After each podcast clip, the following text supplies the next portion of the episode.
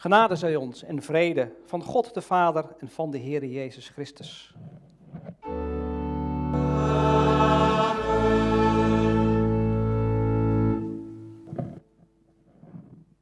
Ons eerste lied in deze dienst is Psalm 95 en die psalm komt straks terug ook in het Bijbelverhaal en de preek die we gaan horen en dat gaat over Jona. Maar we zingen eerst Psalm 95 en daarvan de versen 1 en 3.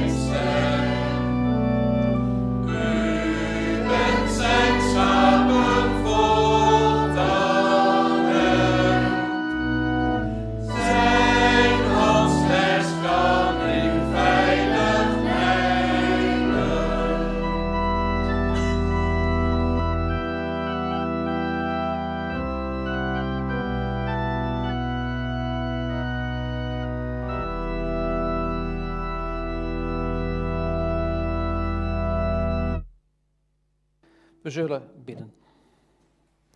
Hemelse God en Vader, ook vanmiddag komen we hier samen voor uw aangezicht. Thuis als we digitaal meekijken of hier in de kerkzaal. We komen naar u, want bij u vinden we hoop, vertrouwen en toekomst. U bent de Vader van Jezus Christus. U hebt ons lief gehad nog voordat deze wereld bestond. Zo lief dat u uw eigen zoon naar deze aarde liet gaan. Dank u wel, Vader, voor dat wonder. En wij vragen u of u ons uw geest wil geven. Geef uw Heilige Geest ons leven op u te richten. Als er geen geloof is, Vader, open dan ons hart en leg het geloof erin. Als er weinig geloof is, versterk dan wat klein is. En als er geloof is in ons leven, voed het dan met uw liefde en met uw woord. En dit vragen wij om Jezus wil. Amen. We openen het woord van eh, God en we gaan lezen uit de profetie van de profeet Jona. En we lezen de hoofdstukken 1 en 2. En dat is misschien best wel een lang stuk, maar het is gewoon een heel mooi verhaal. Dus het is gewoon mooi om die twee hoofdstukken te lezen. Daarna zingen we dan het lied Jojo Jona. En dat is een lied, uh, ik heb het een beetje uitgezocht voor de kinderen, maar ik vind het zelf ook een heel mooi lied. Er zit een mooi tempo in. Maar de tekst van dat lied zit heel dicht bij het Bijbelboek. Nee, dat gaan we niet doen. Want, ja. Jona 1. De Heer richtte zich tot Jona, de zoon van Amittai. Maak je gereed en ga naar Nineveh, die grote stad, om haar aan te klagen, want ik heb gezien hoe haar inwoners zich misdragen. En Jona maakte zich gereed, maar vluchtte naar Tarsis, weg van de Heer. Hij ging naar Javo en vond er een schip met bestemming Tarsis. Hij betaalde de overtocht en ging aan boord om mee te varen naar Tarsis, weg van de Heer. Maar de Heer wierp een hevige storm op de zee en de zee werd zo wild dat het schip dreigde te breken. De zeelieden werden bang en ieder riep tot zijn eigen God om hulp. Ook gooiden ze, om het gevaar af te wenden, de lading in zee. Maar Jona was in het ruim van het schip afgedaald, was daar gaan liggen en in een diepe slaap gevallen. De schipper ging naar hem toe en zei tegen hem: Wat lig jij hier te slapen? Sta op, roep je God aan. Misschien dat hij zich om ons bekommert, zodat we niet vergaan. Intussen overlegden de zeelieden: Laten we het lot werpen om te weten te komen wiens schuld het is dat deze ramp ons treft. Ze wierpen het lot en het lot viel op Jona. Toen zeiden ze tegen hem: Vertel ons, hoe komt het dat deze ramp ons treft? Wat doe je hier aan boord? Waar kom je vandaan? Uit welk land kom je? Bij welk volk hoor je? Jona antwoordde: Ik ben een Hebreeër en ik vereer de Heer, de God van de hemel, de God die de zee en het droge gemaakt heeft. Nu werden de mannen nog veel banger, want ze hadden van hem gehoord dat hij was weggevlucht van de Heer. Ze zeiden tegen hem: Hoe heb je dat kunnen doen? En ze vroegen hem: Wat moeten we met je doen dat de zee ons met rust laat? Want de zee werd hoe langer hoe onstuimiger. Hij antwoordde: Gooi me in zee, dan zal de zee jullie met rust laten. Want ik weet dat het mijn schuld is dat deze storm zo tegen jullie tekeer gaat. Maar de mannen roeiden uit alle macht om weer aan land te komen. Dat lukte hun echter niet, want de zee ging steeds onstuimiger tegen hen tekeer. Toen riepen ze tot de Heer: Ach, Heer, laat ons toch niet vergaan als wij het leven van deze man opofferen. Reken het ons niet aan als hier een onschuldige sterft. U bent de Heer, al wat u wilt, doet u. Toen tilden ze Jona op en gooiden hem in zee. En de woede van de zee bedaarde. De mannen werden vervuld van bang ontzag voor de Heer. Ze brachten hem een offer en deden hem gelofte. De Heer liet Jona opslokken door een grote vis. Drie dagen en drie nachten zat Jona in de buik van de vis. Toen begon hij in de buik van de vis tot de Heer, zijn God, te bidden. In mijn nood riep ik de Heer aan en hij antwoordde mij. Uit het rijk van de dood schreeuwde ik om hulp. U hoorde mijn stem. U slingerde mij de diepte in naar het hart van de zee. Kolkend water heeft mij omgeven, zwaar sloegen uw golven over mij heen. Ik dacht, verstoten ben ik, verbannen uit uw ogen. Maar eens zal ik weer uw heilige tempel aanschouwen. Het water sneed mij de adem af. Muren van water hebben mij omgeven. Met wier is mijn hoofd omwonden. Ik zonk naar de bodem waar de bergen oprijzen. Naar het rijk dat zijn grendels voorgoed achter mij sloot. Maar u trok mij levend uit de dood omhoog, o Heer mijn God. Toen mijn levensadem mij verliet, riep ik u aan, Heer, en mijn gebed kwam tot u in uw heilige tempel. Zij die armzalige goden vereren, verlaten uw trouwe God, maar ik zal mijn stem in dank verheffen en uw offers brengen. Mijn gelofte los ik in. Het is de Heer die redt. Toen, op bevel van de Heer, spuwde de vis Jona uit op het droge.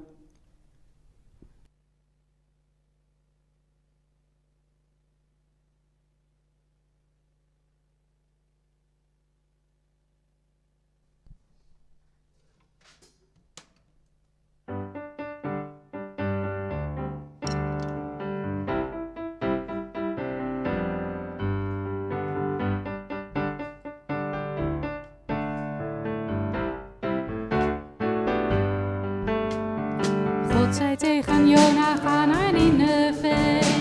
De mensen daar doen allemaal gemeen. Maar Jona dacht, ik ga er met een boot vandoor. Want Nineveh, daar ga ik mooi niet heen. Midden op de zee ging er opeens iets mis. Want God stuurde een vreselijke storm. Maar Jona lag te slapen, dus hij had niks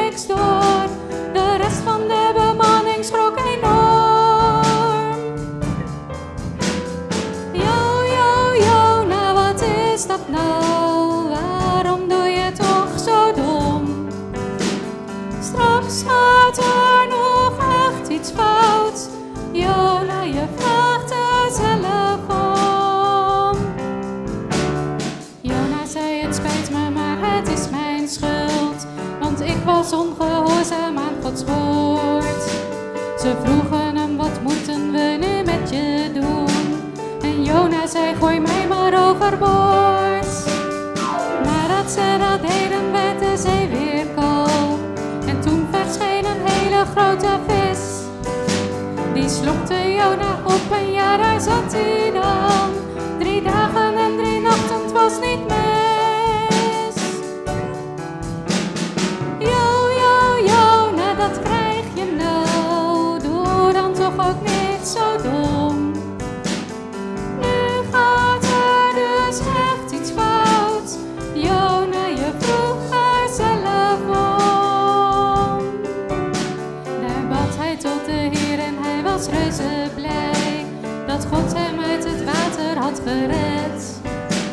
En God zei tot de vis, spuug hem dan nu maar uit. En Jona werd toen op het strand gezet.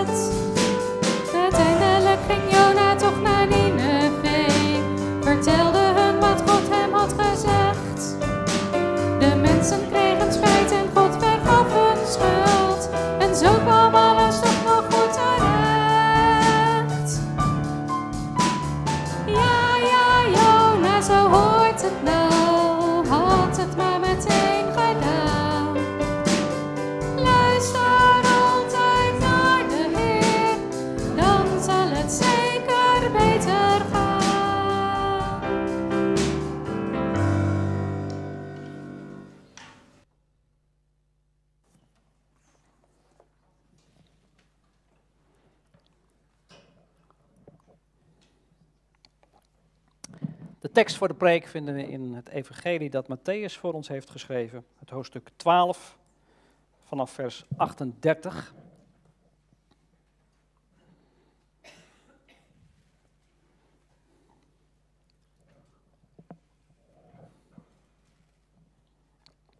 En er gaat een stukje aan vooraf waarin Jezus een blinde man heeft genezen en vervolgens ontstaat een hele discussie met de fariseeën en de schriftgeleerden. Daarop reageerden enkele schriftgeleerden en fariseeën met een vraag. Meester, we zouden graag een teken van u zien. En Jezus antwoordde, dit is een verdorven en trouweloze generatie. Ze verlangt een teken, maar geen ander teken krijgen zal dat dan van de profeet Jona.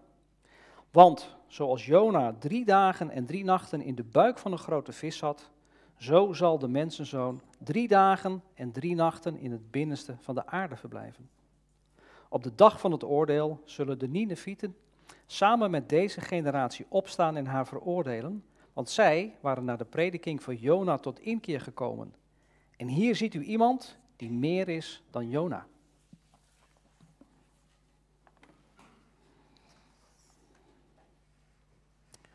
Ons aanbeleid op de preek straks is opwekking 595, licht van de wereld. Broers en zussen in ons geloof, kinderen van de Allerhoogste God. Jona die zei nee, ik wil absoluut niet naar Nineveh. En hij sloeg op de vlucht. Precies de andere kant op. Hij gaat aan boord van een schip en trekt zich helemaal terug. Nee, Jona die was niet van plan om naar die heidenen in Nineveh te gaan. En Jona is ook niet van plan, als hij aan boord van dat schip is, om zich met die zeelieden te gaan bemoeien. Zodra het schip uit de haven vertrokken is, daalt hij af in het schip en zoekt een plekje om te gaan slapen. Hij valt in een diepe slaap en hij bemoeit zich nergens mee en wil ook met niemand contact hebben. Wat zou Jona gedacht hebben? Zou hij echt gedacht hebben dat je voor God kunt vluchten? Zou hij echt gedacht hebben dat er een plaats op deze aarde is waar de Heere God niet is? De Heere grijpt in. De Heere grijpt in door een storm op de zee te gooien. Zo staat het er in de tekst. De Heere gooit een storm op de zee. En die storm die wordt steeds heviger. Het schip dreigt te breken. En zelfs de ervaren zeelieden, die worden bang. Dat is dus een heftige storm geweest. En ze kunnen ook niks meer doen, deze ervaren zeelieden. Ze zijn aan hun goden overgeleverd. En dat is dan ook het enige wat ze dan nog kunnen doen. Hun goden aanroepen. Dan herinnert die kapitein zich opeens die passagier die in Javo aan boord is gestapt.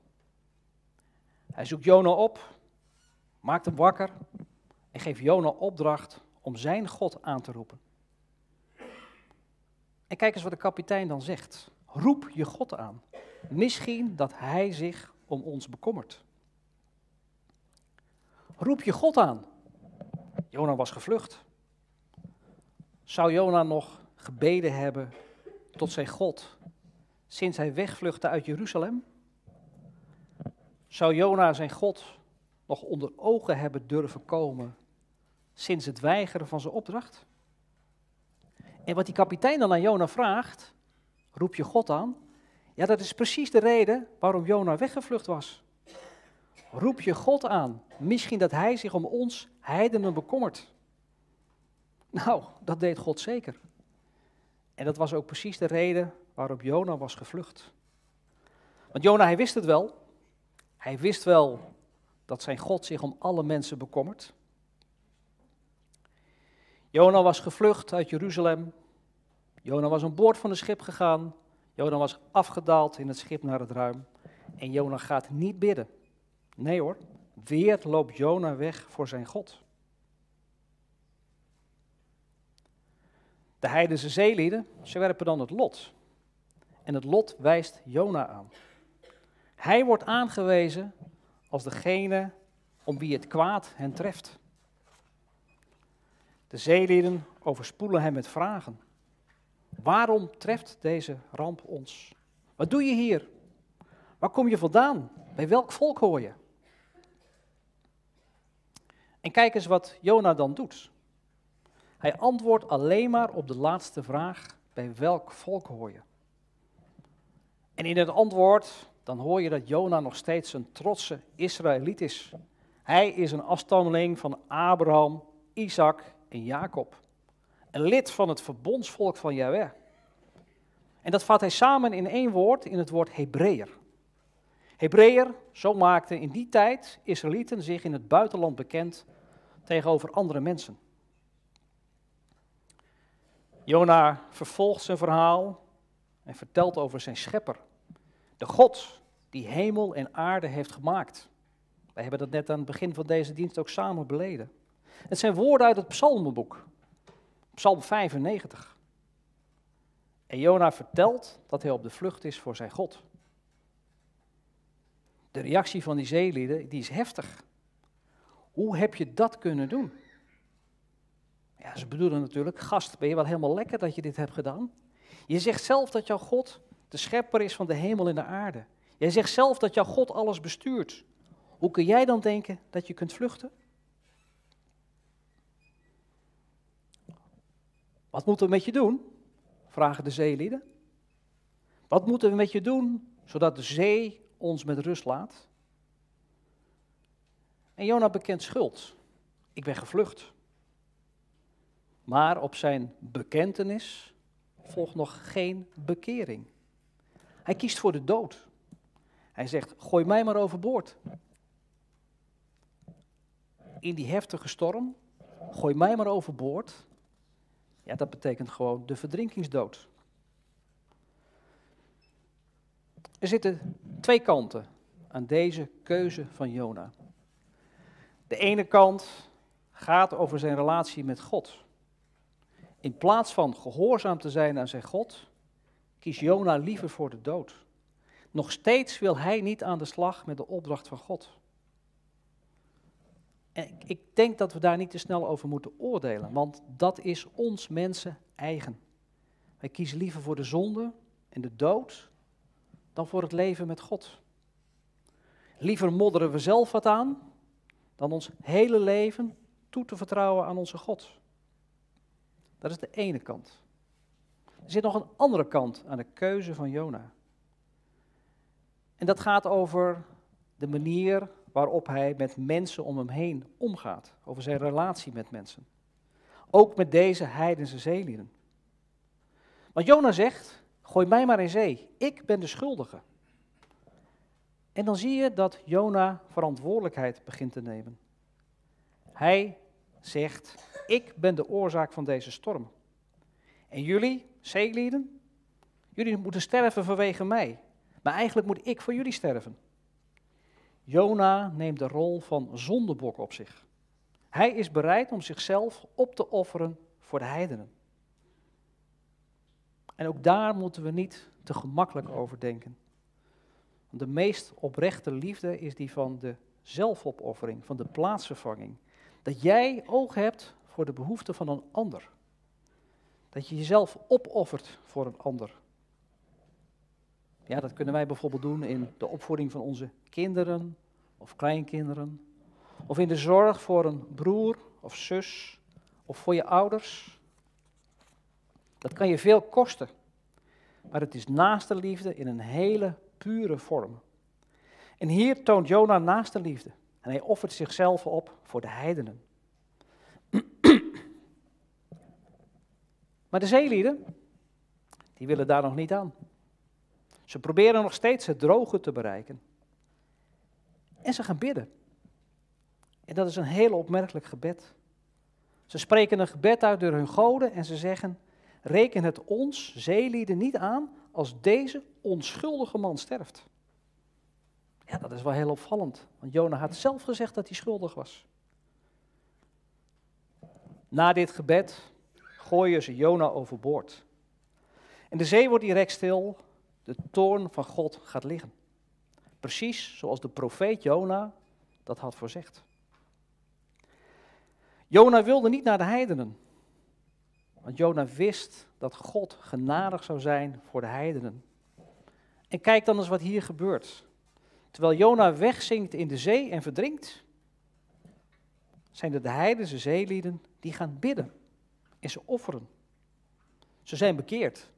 Ja, en dat komt niet door het optreden van Jona, maar ondanks het optreden van Jona. Jona is in zee gegooid. En de Heere God zet dan een grote vis in. Jona, de dienstknecht van de Heere God, die wilde niet luisteren. Maar deze grote vis, die doet probleemloos wat zijn schepper van hem vraagt. Jona wordt levend verslonden. En Jona verblijft drie dagen en drie nachten in de vis. Ja, en eigenlijk moet je zeggen, hij is gearresteerd door de vis. Hij zit gevangen. Hij zit in zijn dodencel. En daar komt hij tot inkeer en daar gaat hij bidden. Het gebed van Jona in de vis is een mengeling van citaten uit het boek van de Psalmen. Psalm 116, een gebed in nood, is te herkennen. En we horen Psalm 103, een loflied op de genade van God. En het is een prachtig gebed. Mooie woorden, diepe inzichten, daarbinnen in die vis. Tot, tot vlak voor het einde, in vers 9. Want daar zegt hij, zij die armzalige goden vereren, verlaten uw trouwe God. Jona zegt, zij die armzalige goden vereren, verlaten u, trouwe God. Moet je horen wie het zegt. Jona die weggevlucht is uit de dienst van de Heer. Hij verwijt nu anderen dat ze God verlaten. Nee, onze Jona is nog niet echt bekeerd. Hij blijft een hooghartige gelovige die neerkijkt op de niet-gelovigen. Opnieuw luistert de vis wel naar zijn schepper en hij spuugt Jona uit op het strand. En het is een prachtige reeks wonderlijke gebeurtenissen die we hebben gezien in dit boekje Jona. De grote storm, de grote vis, Jona in de vis, de redding van Jona. Het is ronduit spectaculair.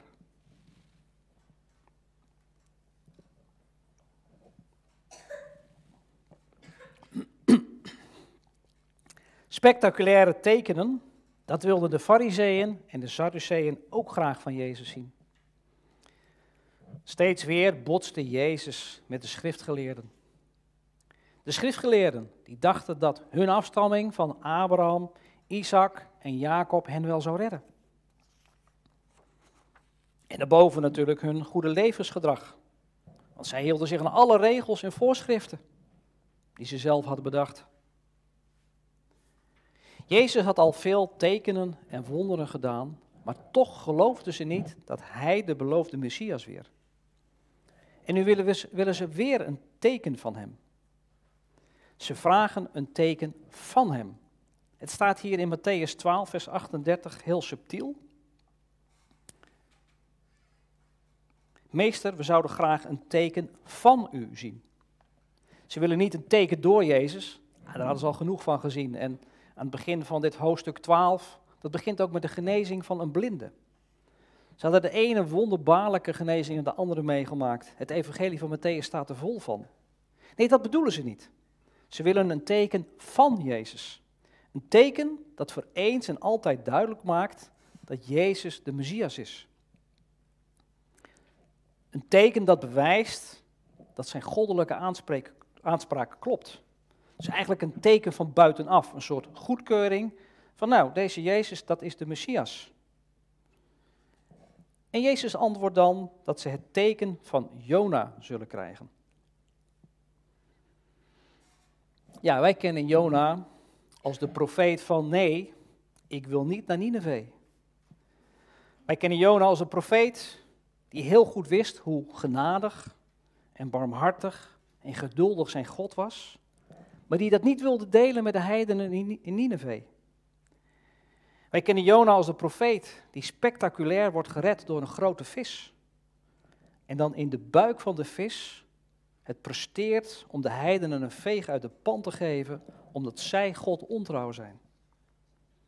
Ja, al met al hebben wij, denk ik, niet zo'n positief beeld van Jona. Maar hoe kijkt God naar Jona? Hoe kijkt Jezus naar Jona?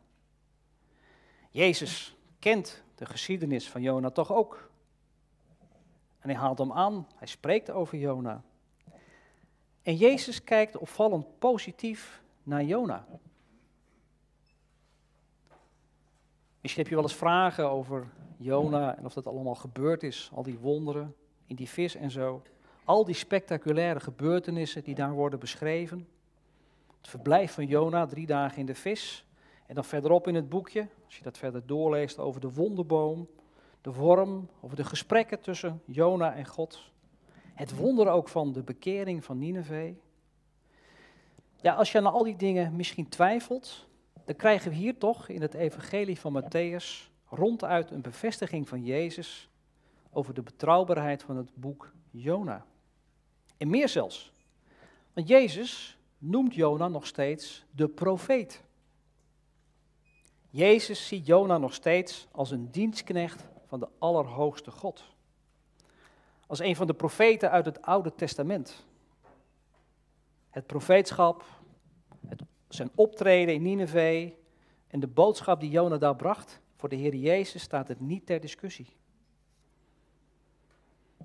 Blijkbaar is het tussen Jona en zijn hemelse vader weer goed gekomen.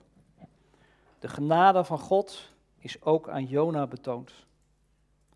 Er is blijkbaar berouw en vergeving gekomen. En dan ziet God de zonde niet meer. Dan spreekt God er niet meer over. Dan zijn ze voorgoed weggeveegd. Dat is genade. Dat God echt een streep zet door je zonden. Dan is het vergeven en vergeten en God komt er niet meer op terug.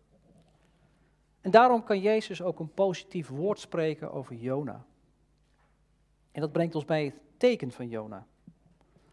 Wat is dat nou precies, dat teken van Jona? Nou, daar zijn vier lagen in te ontdekken. En in die vier lagen zien we stapje voor stapje het evangelie tevoorschijn komen. Kijk maar mee welke boodschappen schuilgaan achter het teken van Jona. De eerste laag is datgene wat Matthäus erbij vertelt over de drie dagen en de drie nachten. Jona werd overboord gegooid ergens in de grote zee. En menselijke wijs gesproken was dat zijn dood. Dat overleef je niet in een heftige storm midden op zee.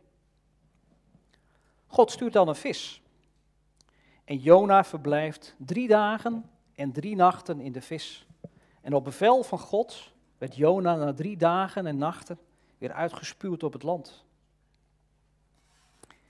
Jezus werd aan het kruis gespijkerd ergens buiten de grote stad.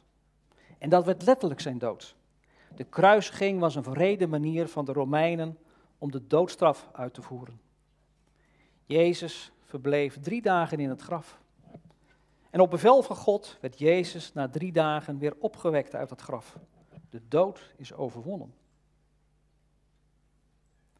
De tweede laag is dat Jona door de zeelieden overboord werd gegooid in menselijke wijs niet meer terug werd verwacht.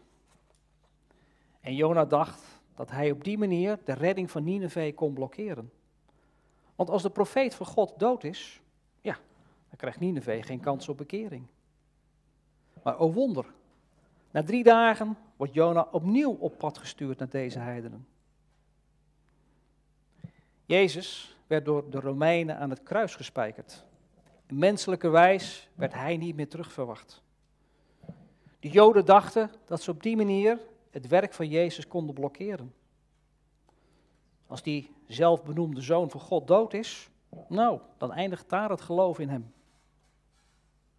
Maar o wonder, na drie dagen wordt Jezus opgewekt uit de dood. Hij verschijnt eerst aan de vrouwen, daarna aan de leerlingen en dan begint de wereldwijde opmars van het evangelie van de opgestane Heer. Dan de derde laag. Jona werd de zondebok voor iedereen aan boord van dat schip. Jona zei, ik ben de schuldige, gooi mij maar overboord.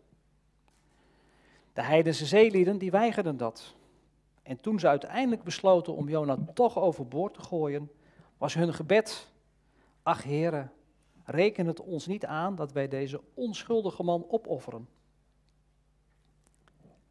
Jezus werd ook de zondebok voor iedereen die in hem gelooft. Hij zei, ik neem jullie zonde op mij, breek mij maar af. En de gelovige Joden, nou, die deden dat maar al te graag. Toen ze in het Sanhedrin over hem spraken in die nacht, toen besloten ze om Jezus te kruisigen. En hun uitspraak was, het is beter dat één schuldige man sterft dan het hele volk. En zo werd Jezus de zondebok. En neemt hij ook onze zonde op zich. En tenslotte, de vierde hele diepe laag is de reactie van de Heere God. Als Jona overboord wordt gegooid, dan wordt de zee stil. De toorn van God is gestild. De angst is weg. De dreiging is weg. Er is weer ruimte om te leven. En vol dankbaarheid gaan de heidense zeelieden bidden.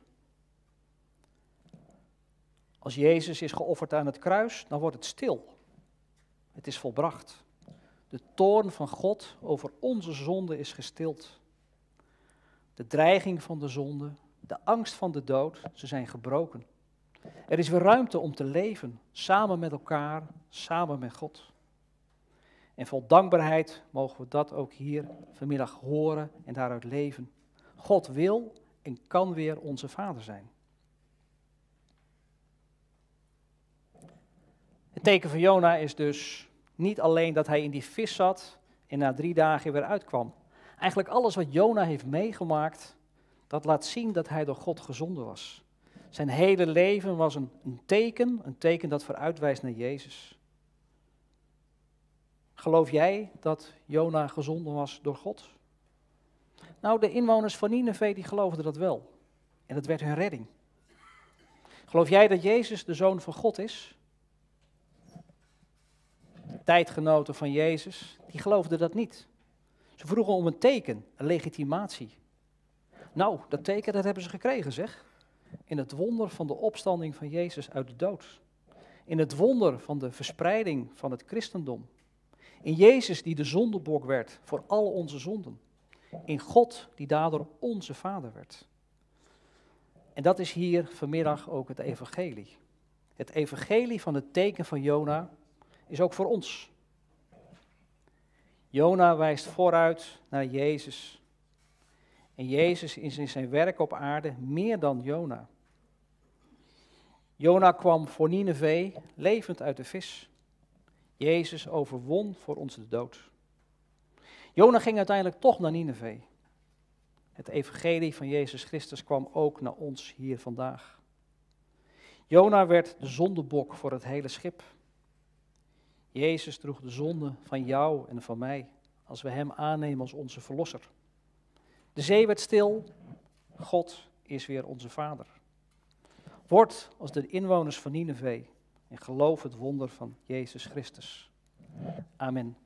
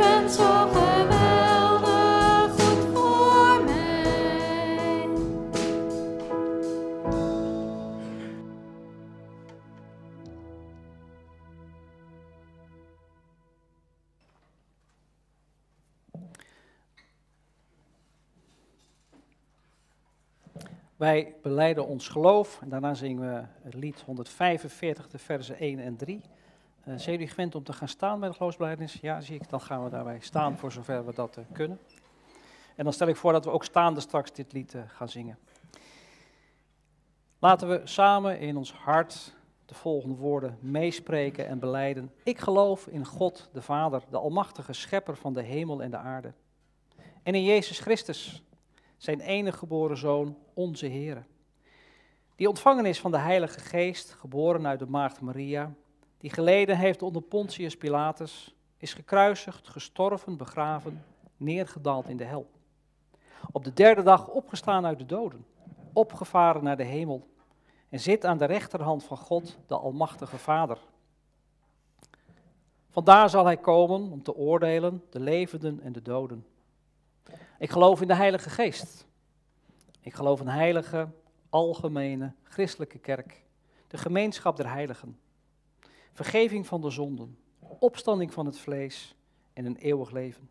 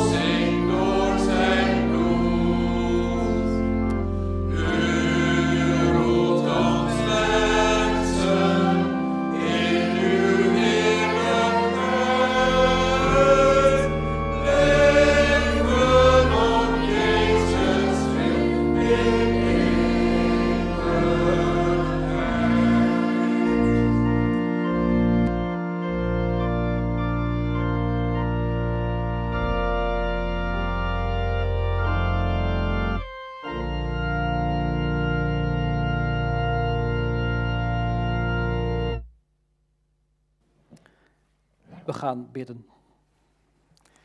Hemelse God en Vader, we doen onze ogen dicht en we vouwen onze handen bij elkaar, dat zijn we zo gewend. Maar dan staan we gelijk voor uw aangezicht, in uw troonzaal. Zo kort is de weg naar u. En dat weten we dat het zo is door het werk van Jezus Christus. Dank u wel, Vader, dat we hier vanmiddag bij elkaar mochten zijn. Dat we uw woord mochten horen van genade en van verlossing. Dank u wel, Vader, voor het teken van Jona, voor de diepe lagen die we daarin mogen zien, voor al dat evangelie, die mooie dingen die we mogen weten uit het geloof. Vader, wil u bidden voor onszelf, voor onze geliefden, voor onze broers en zussen in de gemeente, voor hen die twijfelen aan het geloof of het geloof zijn kwijtgeraakt, kinderen, broers en zussen, vrienden, ouders misschien. Vader, wilt u uw genadige hand naar hen uitstrekken? Wilt u de genade die Jona mocht brengen naar de mensen van Nineveh ook naar hen brengen? Vader, wil u bidden voor uw kerk over de hele wereld. Als vandaag mensen bij elkaar komen, er een golf van aanbidding over de wereld rolt. Wilt u zijn met al die kerkgemeenschappen in al die landen, waarin zoveel talen uw naam wordt aangeroepen en aanbeden. Geeft u dat ze mogen bloeien. geeft u dat ze uw woord van liefde en genade mogen doorgeven. En vader, wil u bidden voor uw wereld. Al die mensen die u niet kennen. Want u wilt niet dat er mensen verloren gaan. Wilt u geven, vader, dat uw woord doorgang mag vinden? Wilt u ook geven dat wij ook getuigen mogen zijn in onze daden, misschien ook in onze woorden? Ach, vader, geeft u ons woorden om te spreken op de plaatsen als u ons daar brengt. Want uit onszelf vinden we dat lastig en ingewikkeld, maar u geeft ons die woorden door uw geest. Vader, wil u bidden voor de gemeente hier, de gemeente Altena. U zij met deze gemeente, u zij met de voorganger, met de ambtsdragers, met al het werk wat gedaan wordt in catechese of jeugdwerk of andere dingen. Werk wat gedaan wordt rondom de kerkdiensten, werk wat gedaan wordt in het elkaar ontmoeten. Wilt u dat zegenen? Wilt u op die ook deze gemeente bouwen? Vader, dit alles vragen we niet uit onszelf, maar in de naam van Jezus Christus, die onze Heer en onze Heiland is. Amen.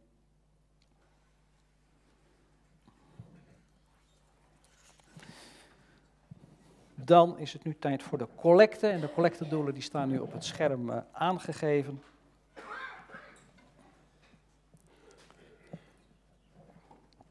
Ons slotlied is Geprezen zij de Heer, opwekking 44.